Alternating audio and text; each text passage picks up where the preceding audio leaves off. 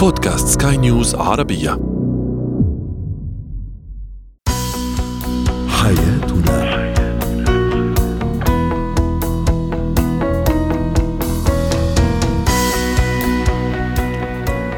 مستمعينا الكرام أهلا بكم معنا إلى حياتنا. فضاؤكم اليومي الذي يعنى بشؤون الأسرة وباقي الشؤون الحياتية الأخرى والذي يمكنكم الاستماع إليه عبر منصة سكاي نيوز ارابيا dot com slash podcast وباقي منصات سكاي نيوز العربية الأخرى. أيضا شاركونا عبر رقم الواتساب 00971 معي أنا أمال شاب. اليوم نتحدث عن العيد عن فرحة العيد في الأسرة وأيضا تجديد العلاقة بين الشريكين. أيضا سنتحدث في زينة الحياة عن الفجوة بين الآباء والأبناء ما هي أسبابها؟ وكيف يمكن القضاء عليها؟ أو حتى التقريب أيضا تقريب هذه الفجوة. وسنتحدث أيضا في آه، فقرة مهارات الحياة عن المهارات الجديدة. كيف نخرج من منطقة الأمان ونتعلم مهارة جديدة؟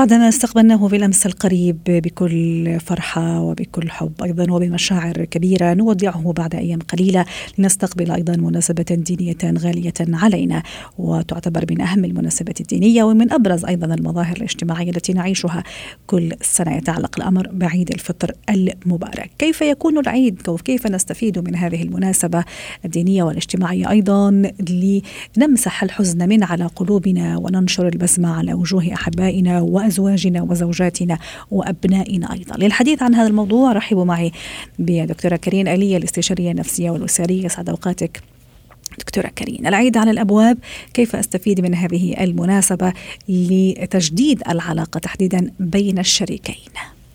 نعم يعني بدنا نتمنى بالبداية أنه تيجي الأعياد بظروف ومناسبة حلوة على الأشخاص آه، نفسيا اقتصاديا وعلى كل المستويات لأنه آه، كل الظروف الأخرى بتنعكس على جو العيد بالعائلة بالثنائي.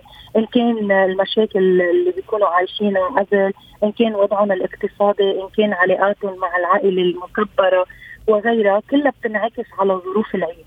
هلأ في شغلة كثير مهمة في ناس يستغلوا العيد لأنه بيعرفوا إنه بمرحلة العيد الانفعالات أو المشاعر بتكون آه، هيك متجاوبه أكثر لحتى يخلقوا آه، صلحة بالعيلة أو يخلقوا رائع. آه، جو جو من الإيجابية أو من التفاعل، يعني أحيانا كثير بتلاقيهم ناطرين العيد لأنه صح. بيتوقعوا بهالمرحلة رح يقدروا يحلوا مشكلة معينة، هيدي أحيانا بتزبط أحيانا لا، ببعض المطارح بتضبط كثير مع الأشخاص يلي هن عندهم الاستعدادات عندهم الجهوزيه وعندهم دائما النية بالتحسين والتغيير. يعني نحن دائما بنقول جو العيد بينعكس على حياتنا. وأنا العيد بيكون استمرارية لحياتي. يعني أنا إذا في خلافات سابقة أو خلافات جوهرية بالعلاقة أنا ممكن بفترة العيد حلها ولكن بس يخلص العيد أنا برجع للروتين السابق للخلافات السابقة. يعني رح تكون مجرد هدنة يعني فترة العيد مجرد هدنة. صحيح لأنه العيد بيعني لنا ولأنه العيد من سنة لسنة ولأنه العيد له ذكريات وله له كل الإيجابيات يلي بعدها براسنا. بنرجع بنحييها كل سنة من خلال الظروف يلي بنخلقها ولكن بس نرجع لحياتنا الطبيعية نرجع لواقعنا. لهالسبب نحن مش ضروري ننطر بس العيد لنخلق آه، المصالحات أو تحسين جو العلاقة. لأنه مثل ما قلت ما بيكون جو آه، واضح وعلى اسس أساسية ومعينة. ولكن بما إنه نحن بشهر فضيل يعني نحن ما عندنا نهار نهار واحد. نحن بشهر فضيل في أشخاص بيختموا القرآن أكثر من مرة. بهيدي المرحلة شو بيقدروا يكونوا عم يعملوا؟ هن وعم بيصلوا هن وعم بيصوموا بيكونوا عم بيراجعوا خلافاتهم الزوجية لينبشوا على حلول بتوجوها بمصالحة بفترة العيد، هيدي الشغلة بتخلق إيجابية للمرحلة اللي ما بعد العيد وبتخلق استمرارية. رائع كلام جميل جدا ست كارين.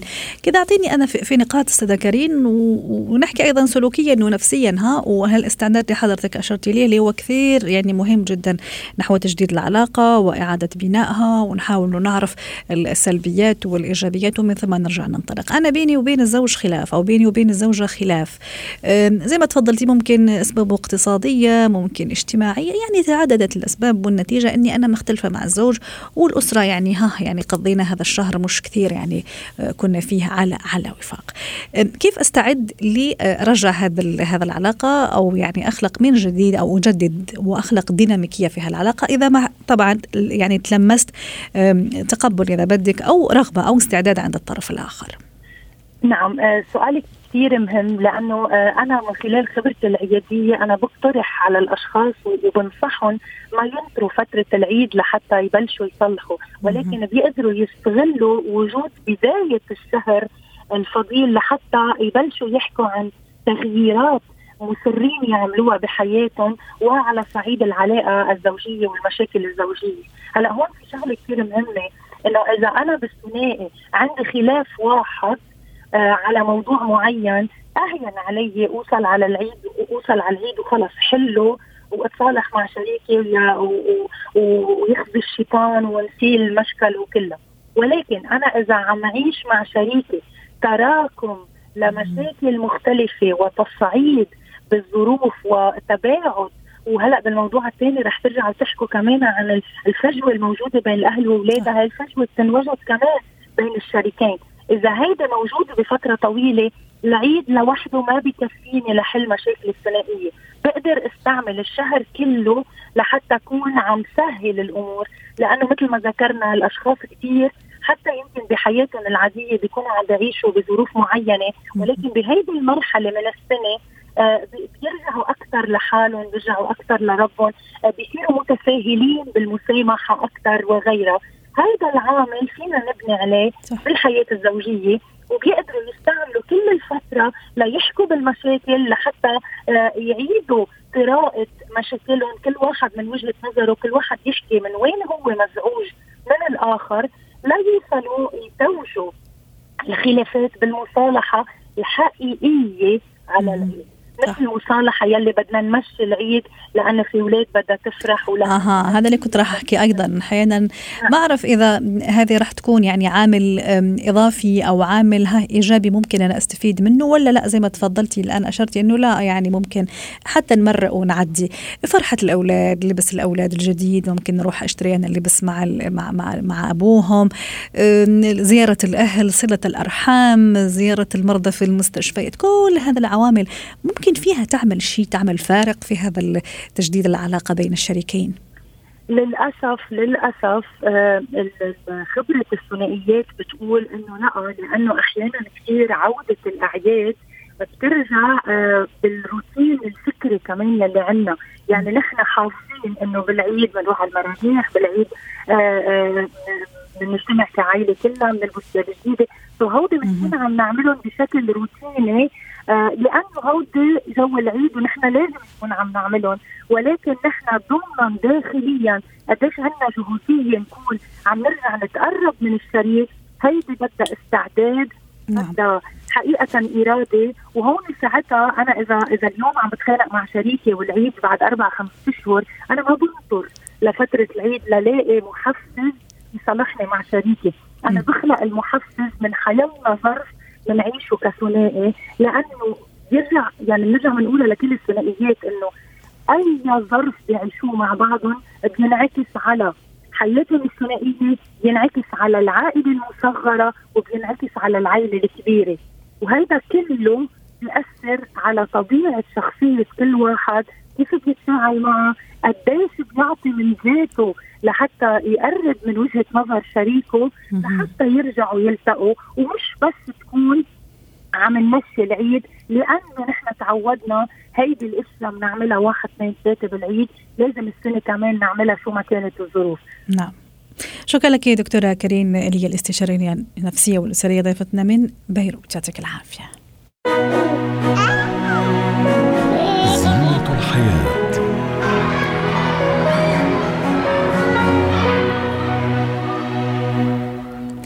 اليوم سنتحدث عن أسباب الهوة والفجوة بين الآباء والأبناء.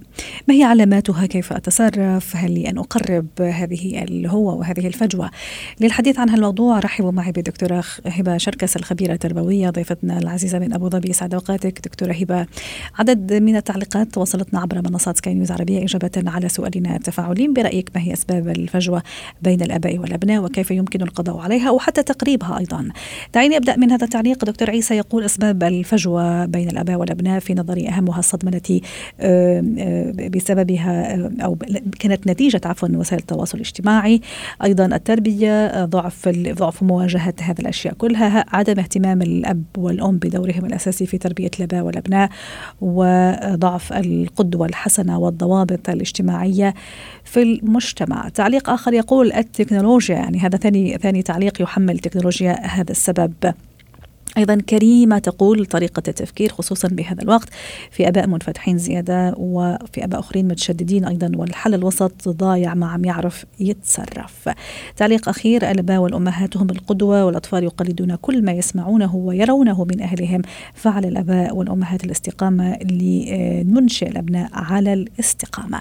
دكتورة هبة كمدخل اليوم وبشكل بسيط ماذا يعني الهوة أو الفجوة بين الآباء والأمهات؟ ومتى أقول أنه ها ترى في هو كبير؟ كبيره بيني وبين ابني؟ هو الهوى أو الفجوة ما بيننا وما بين ولادنا بتنشأ آه، أو هي المساحة الفكرية المبتعدة عن بعض. إن إحنا بنفكر بطريقة وهم بيفكروا بطريقة. قراراتنا لو جينا ناخد قرار هنلاقي نفسنا إحنا بناخد القرار في اتجاه الشرق وهما بياخدوا القرار في اتجاه الغرب. يعني معنى كده إن البوصلة بتاعتنا البوصلة اللي, اللي بتحدد اتجاهاتنا في الحياة واللي بنبني عليها قراراتنا واللي بنبني عليها حياتنا كلها ممكن تكون مختلفة. قيمنا ممكن تكون آه، مختلفة. آه، لغة الحوار ما بيننا وما بين بعض انعدمت وبقوا هم بيتكلموا بطريقة مختلفة عن الطريقة اللي إحنا بنتكلمها. الجمود الفكري اللي بيحصل عند عند الآباء والأمهات مقابل التسارع في الانفتاح عند الأبناء. كل ده بيوصلنا في حالة من الفجوة والهوة ما بيننا وما بينهم. كأن إحنا عايشين في جزيرة وهم عايشين في جزيرة تانية وحرقنا كل المراكب ومش عارفين نرجع نتواصل ما بيننا وما بينهم. ولا أنا ولا أنا كأب وام يعني حابة أو معترفة إني لازم أغير شوي من بعض المفاهيم ولا هم كأبناء أيضا آه، مقتنعين إنه لأ في بعض العادات والموروثات الاجتماعية والثقافية و ضرورية مهما كن مهما تطورنا وين ما كنا لازم يعني نمتثل لهذا الأشياء. صحيح. آه كمان إن إن هم كمان بيبقوا شايفين إن إحنا غير قابلين للتطوير. إحنا متمسكين بحاجات ومتحجرين عندها. وإن إحنا بنبقى شايفين إن هم متخليين عن كل حاجة. عندهم استعداد يعني يعني يغيروا جلدهم زي ما بنقول آه ويعملوا كل حاجة ممكن تكون بعيدة كل البعد عننا. كل ما وسعت الفجوة كل ما كان ردمها أصعب. دكتورة هبة معلش في نقطة أو في سؤال. هذا هو يعني تنشأ شيئا فشيئا يعني آه. بمرور سنين شهور تبدأ كذا تتعمق ولا فجأة بتصير؟ ولا لا بتصير شوي شوي أنا مش منتبهت لها كأب وأم يعني. بتنشأ خطوة بخطوة واحدة بواحدة وإحنا بنكون آه، مر علينا أوقات ومرت ومرت سنوات وإحنا عمالين نشوف إن الفجوة دي عمالة بتزيد وعلى فكرة بنبقى مدركين جوانا إن الفجوة بتزيد بس ما بناخدش اكشن ناخدش أي موقف إيجابي يسد الفجوة. بالعكس بنفضل في لوم وعتاب الآخرين وعمالين نقول لهم أنتوا جيل ما بتسمعوش الكلام وأنتوا جيل كلمة أنتوا جيل لوحدها كفيلة بإن هي تعمل فجوة. وتعمل حاجز أيضا. وتعمل حاجز لأن إحنا بنفصلنا بنفصل نفسنا عنهم. لما بنقول لهم أنتوا جيل كذا وإحنا جيل كذا إحنا بنفصل نفسنا عنهم. ما بنقربش منهم ما بنقتربش من عالمهم. وده دورنا في الحقيقة كأهل إن إحنا اللي نقترب من من عالمهم. فالفجوة دي عمالة بتزيد واحدة بواحدة وكل ما بتزيد وكل ما إحنا بنتغافل عنها آه كل ما بيكون من الصعوبة إن إحنا نرجع تاني. كأننا في كل مرة آه، يعني بيحصل حاجة مؤشر أو بنستلم رسالة إن الفجوة بتزيد وبندير ظهرنا للفجوة دي كاننا بنحرق المركب اللي كانت ممكن تنقلنا من جزيرتنا لجزيرتهم أو وسيلة التواصل اللي ما بيننا وما بينهم. مرة ورا مرة ورا مرة بنلاقي نفسنا بنكتشف إن إحنا حرقنا كل المراكب. فيعني أنا النهارده بحب أقول للناس يا ريت نحكي الآن على على الأكشن دكتورة هبة. وأكيد يعني ما فينا يعني نحكي على هالموضوع من غير ما نتوقف عند المقولة الشهيرة لا تؤدبوا أولادكم بأخلاقكم لكن لأنهم خلقوا لزمان غير زمانكم وهي منسوبة لعلي بن أبي طالب رضي الله عنه. صحيح. آه هو طبعا إن إحنا لازم نكون الأهل يكون عندهم قدرة على التطور. يعني ما ينفعش نقول مثلا آه التكنولوجيا هي السبب. طيب التكنولوجيا دي أداة. الإنترنت والكلام ده دي كلها أدوات. هل إحنا كأهل بدأنا نتبحر في العالم ده؟ هل بدأنا نفهم؟ هل بدأنا نتواصل معاهم بطرقهم بالوسائل المتاحة لهم الوسائل اللي هم بيحبوها؟ هل لعبنا معاهم؟ هل قضينا وقت نوعي معاهم؟ كل دي الحاجات دي بت يعني بتردم الفجوة. حتى لما تبدأ تحصل الفجوة نقدر نردمها أول بأول ونفضل محافظين على إن إحنا في أرض واحدة. بالوقت النوعي بالحوار هل لما بيقولوا رأي بيخالفنا بنسمح لهم بده؟ هل بنسمح لهم بالتجربة رغم علمنا المسبق بفشلها؟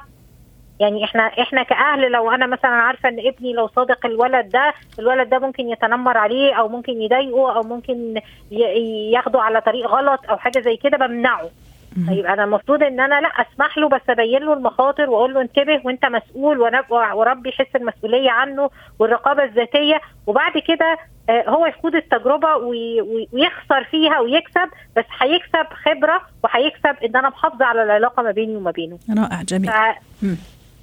فمن أكبر الحاجات فعلا اللي بتسبب الفجوة واللي لازم نردمها هو إن إحنا بنحرم أبنائنا من التجربة لعلمنا المسبق بفشل.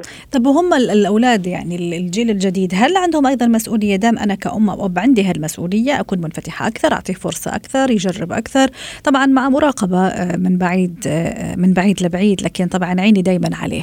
هو ك ك ك كشاب أو كفتاة أيضا عندها هذا المشكلة حاسة بهذا الفجوة وعندها أيضا مسؤولية بشكل أو بآخر. شو نصيحتنا لهم؟ شو ممكن أيضا يعملوا هذا هذا الشباب وهذا الجيل. حتى نختم. الشباب عندهم احتياج نفسي اللي هو الانتماء والرغبه في إن يكون عندهم جذور يعني مهما حاولوا إن هم يتفرعوا ويبقوا زي فروع الشجر ويمتدوا ويمتدوا حتى يلمسوا عنان السماء هم ستيل عندهم رغبة وحاجة نفسية اسمها الانتماء. وعندهم حاجة نفسية اسمها القبول. يعني هو بيحب إن هو يبقى مقبول مننا من البيت وينال استحسان ويسمع كلام. فهو ربنا سبحانه وتعالى خالق الاحتياجات النفسية دي علشان توزن ما بين الطموح والإنجاز وإن إحنا آه يعني نتفرع وما بين إن إحنا نبقى محتاجين للانتماء والأسرة والاحتواء والاحتضان. محتاجين لوطن آمن اللي هو الأسرة والأحضان. فهم هم بالنسبة لهم بيحسوا بخواء نفسي. لو إحنا مدينا ايدينا لهم بالطريقة الصح هنلاقيهم بيجوا ناحيتنا. فكمان إن هم هم عندهم مسؤولية إن هم ياخدوا بإيدينا ويدخلونا عالمهم. يعني لما يعرفوا حاجة جديدة يطلعونا عليها لو إحنا منفتحين لده. آه يعلمونا حاجات. يعني بشكل شخصي أنا بتعلم من ولادي المراهقين حاجات كتير حوالين التواصل الاجتماعي وال... وأشياء حوالين العالم كله وأفكار مثلا و... وطرق تسوق جديدة وحاجات كتير جدا إحنا بنتعلمها منهم. لو إحنا كنا منفتحين و... وبنقدر ده و وبنعتد بيه هم هيكونوا أكثر انجذابا كمان لنا. صح. فهم دورهم إنه ياخدوا بإيدينا وإحنا دورنا إن إحنا نسمح لهم بامتداد. وعايزة أعلق على موضوع الرقابة دي بدل ما إحنا نراقبهم من بعيد لبعيد إحنا ممكن نهتم بيهم و... وندخل جوه عالمهم بجد وبصدق. يعني لما أسأل ابني أنت كنت فين السؤال ده ممكن أسأله بأكتر من طريقة. أنت كنت فين؟ بطريقة حادة كأنه في تحقيق محكمة. وممكن أسأله حبيبي أنت كنت فين؟ أنا قلقت عليك أو أنا افتقدتك أو وحشتني. فاحكي لي اتبسطت مثلا لما كنت في المكان الفلاني. حبيبي مين مين قابلت مين؟ مش من باب ال... وفعلا لازم النية تبقى مخلصة إن مش من باب المشاركة وال... وال... والإشراك. باب الاهتمام. أنا مهتمة إن أنا أتأكد إن أنت كنت مبسوط. شكرا لك يا دكتورة هبة. شركس ضيفتنا العزيزة من أبو ظبي. مهارات حياة.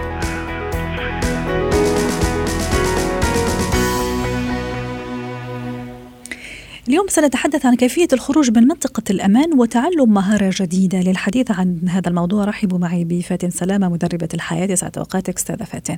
في بعض الأشخاص عندهم رغبة وشغف وحب واطلاع دائما على كل ما هو جديد وأيضا ما عنده مشكلة أنه يتعلم كل يوم شيء جديد ومهارة جديدة حتى إذا اقتضى الأمر. يطلع من ال comfort zone من منطقة الأمان ويتعلم حتى إذا تعرض للفشل للإخفاق للخطر أحيانا.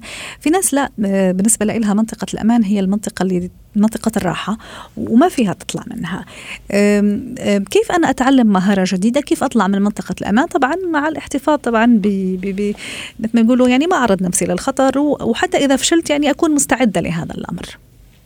مساء الخير عليك يا امال وكل سنه وانت طيبة مقدما وفي ناس كتير بيختلط عليهم موضوع آه، منطقة الأمان أو ال comfort zone.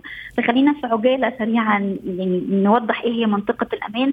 هي هي قصة معروفة جدا بنقولها في أكتر من workshop لما واحد كان بيمر شاف فيل والفيل ده مربوط بحبل يعني بس رابطين حبل في رجله والحبل مش مربوط في أي حاجة. فلما سأل المدرب بتاعه قال له أنتوا ليه رابطين رجل الفيل ده؟ قال له لا إحنا مش رابطينه هو الرباط ده موجود في رجله من وهو صغير ومتعود إن الرباط ده يكون في رجله علشان ما يتحركش فهو تخيل إن هو كده مش هيقدر يتحرك لكن هو لو مد خطوة بس واحدة لقدام هيقدر يمشي وهيقدر يعني يتجول في المكان اللي هو فيه كل شيء فمنطقة الأمان هي منطقة اعتدنا عليها رائع. لأن هي شيء ما بنعملش فيه أي مجهود ما فيهوش أي مخاطر ما فيهوش احتمالات إما أو زي ما حضرتك اتفضلتي وقلتي قد يكون في احتمال الفشل ولكن أنا وأنا في comfort zone أنا مثلا لو الفيل بيفكر إنه آه، مربوط رجله في الحبل فبالتالي لو هو تقدم للأمام مثلا هيحس بألم أو مثلا هيتعرض لمخاطر وما إلى ذلك. يعني بنسميها كده في علم النفس الإيجابي psychological brakes اللي هي آه أنا بسوق العربية بتاعتي بس أنا رافعة ال hand brake يعني أنا مش مدية لنفسي السرعة الكاملة. آه عودة للسؤال بتاعك اللي هو كيف أطلع من من من هذا المنطقة؟ فاتن أنا حابة أتعلم شيء جديد حابة خلينا نقول مثلا حابة أتعلم لغة لغة جديدة مثلا أو هواية جديدة مثلا بس دائما عندي إنه ما عنديش وقت كافي ما أدري إيش ممكن مش ما راح أقدر أتوفق في هذا الموضوع. كيف أطلع من هذا من هذا المنطقة؟ عشان أطلع من منطقة ال comfort zone أنا مثلا عايزة أتعلم لغة. المثال اللي حضرتك قلتيه أنا بتكلم لغة عربية فأنا مبسوطة جدا بكلام اللغة. ومش محتاجة اللغة هذه الجديدة مثلا. مش محتاجة اللغة الجديدة. في حاجة بن... عشان نطلع الشخص من ال comfort zone بتاعته بنقول له في حاجة اسمها ال growth ring أو حلقة النمو. إن أنت مش يعني العلم أثبت إن أنا استمراري على فعل نفس الشيء. لسنين طويلة بنفس الطريقة بنفس الكيفية. اصحى أروح الشغل أرجع ده بيمو بيموت في الإنسان التطور بيموت في الإنسان الشغف. في فرق كبير جدا ما بين كوني إن أنا آه، مستقر اللي هي stability وإن أنا راكد أنا دلوقتي بتحرك لمرحلة الركود. فعشان أطلع من ال comfort zone دي لازم أقول لمخي أقول له أنا مش مستقر. أنا دلوقتي في ركود أنا ما بتعلمش أنا لا أنمو. أنا أصبحت مثل ال machine أو الروبوت إن أنا بعمل نفس الشيء كل يوم بنفس الطريقة. فالكلام ده لازم أقوله لنفسي لازم اكد لنفسي عشان يكون عندي ال ال ال ال دافع؟ يعني القوة والدافع إن أنا أخرج من منطقة الأمان اللي عندي تاني شيء لازم أحط لنفسي وقت محدد إن أنا في خلال أنا دلوقتي مثلا آه، أمال عايزة تتعلم وليكن اللغة الفرنسية. الإسبانية الإسبانية وانت صادقه أنا أحب كثير هذا اللغة. يلا أمال إحنا الاثنين مع بعض. يلا نتعلمها مع بعض إحنا الاثنين فإحنا فبنختار حاجة اسمها ال motivator أو العامل المساعد أو العامل الحفاز بيكون شخص قلبه عليا. يعني مثلا أنا عارفة إن أمال هتساعدني فهتقول لي مثلا إن أنا هخصص هقول لها أمال أنا هخصص ساعتين للدراسة دي فلازم يكون عندي عامل مساعد لأن الشخص اللي قاعد في comfort zone لفترة طويلة جدا بيفقد الثقة في الناس اللي حواليه. فأنا لازم ألاقي شخص ذو ثقة إن أنا أقول له أنا قررت إن أنا أتعلم اللغة الأسبانية وأخصص آه، ساعتين في الأسبوع. فالشخص ده بيقول لي إيه الأخبار عملت إيه آه سويت إيه فأنا بدبس نفسي كده لو باللغة العربية بدبس نفسي. أنا بعملها مع أولادي بصراحة. يعني بقول لأولادي أنا هعمل كذا في القرآن أو أخلص كذا وأقرأ كذا. فبيقولوا بقى أنا بحس إن أنا مكسوفة إن أنا ما بخلصش. okay. حاجة على أو أحجز مثلا على طيارة مثلا على على على دولة لاتينية وأدفع الشيء الفلاني فأنا خلاص مضطرة أني أتعلم هذه اللغة. مضطرة. أه أنا خلاص مش هتكلم غير دي أنا مضطرة. يبقى يبقى يبقى القرار اللي هو بالنابع من جوايا الأشخاص المحيطين بيا البيئة البيئة مهمة جدا. يعني أنا لما أروح الشغل وألاقي الناس كلها حواليا ما بيعملوش حاجة غير ال social media. أبتعد عن الأشخاص اللي بياخدوا مني الطاقة الإيجابية اللي أنا خلاص أنا باخد خطوة ومهم جدا إن أنا أحفز نفسي. لما ألاقي نفسي إن أنا عملت شيء كويس إن أنا تقدمت إن أنا قادره أتكلم إن أنا عارف آخد خطوة في في الموضوع اللي أنا بعمله أو في الشغله اللي أنا بدرسها دي إن أنا إن أنا يعني أدي لنفسي هدية إن أنا إن أنا يعني, يعني أحفز نفسي بنفسي. والمهم من كل ده تقبل ما بحبش أقول الفشل تقبل النتائج الغير متوقعة. جميل. يعني أنا لو لو توقعت إن أنا هحفظ 10 كلمات الأسبوع ده وحفظت سبعة فأنا مش فاشل. أنا جات لي نتيجة أخرى فإن أنا أتوقع كل الاحتمالات لأن أنا قعدتي في ال comfort zone موتت عندي حقيقة إن في حاجة اسمها احتمالات إما وأو لا هي إما بس اللي موجودة عندي. فأتقبل الإما والأو و. شكرا لك فاتن سلامة مدربة مهارة الحياة وإن شاء الله كل واحد فينا عنده كذا مهارة أو رغبة معينة أنه يطلع من comfort zone هذه مناسبة لا نطلع منها. شكرا لك فاتن سلامة ضيفتنا العزيزة من دبي يعطيك العافية.